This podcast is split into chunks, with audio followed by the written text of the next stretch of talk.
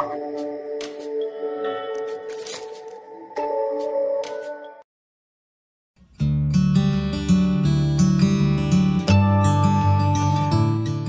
padanya. Karya Ashabul Kahfi. Kenapa harus ada hujan kalau cuma bawa kesedihan?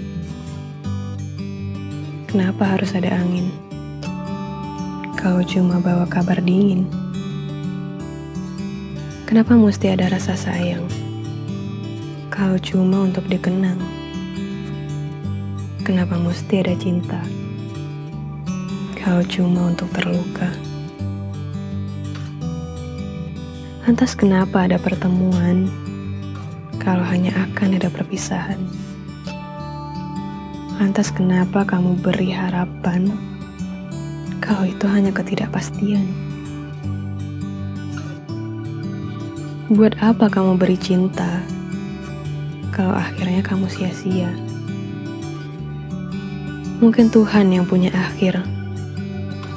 Dan aku di sini memang harus berpikir.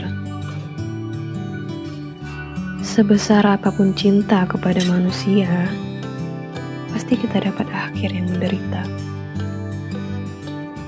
Dan cinta kepada Tuhan kita akan berakhir dengan bahagia.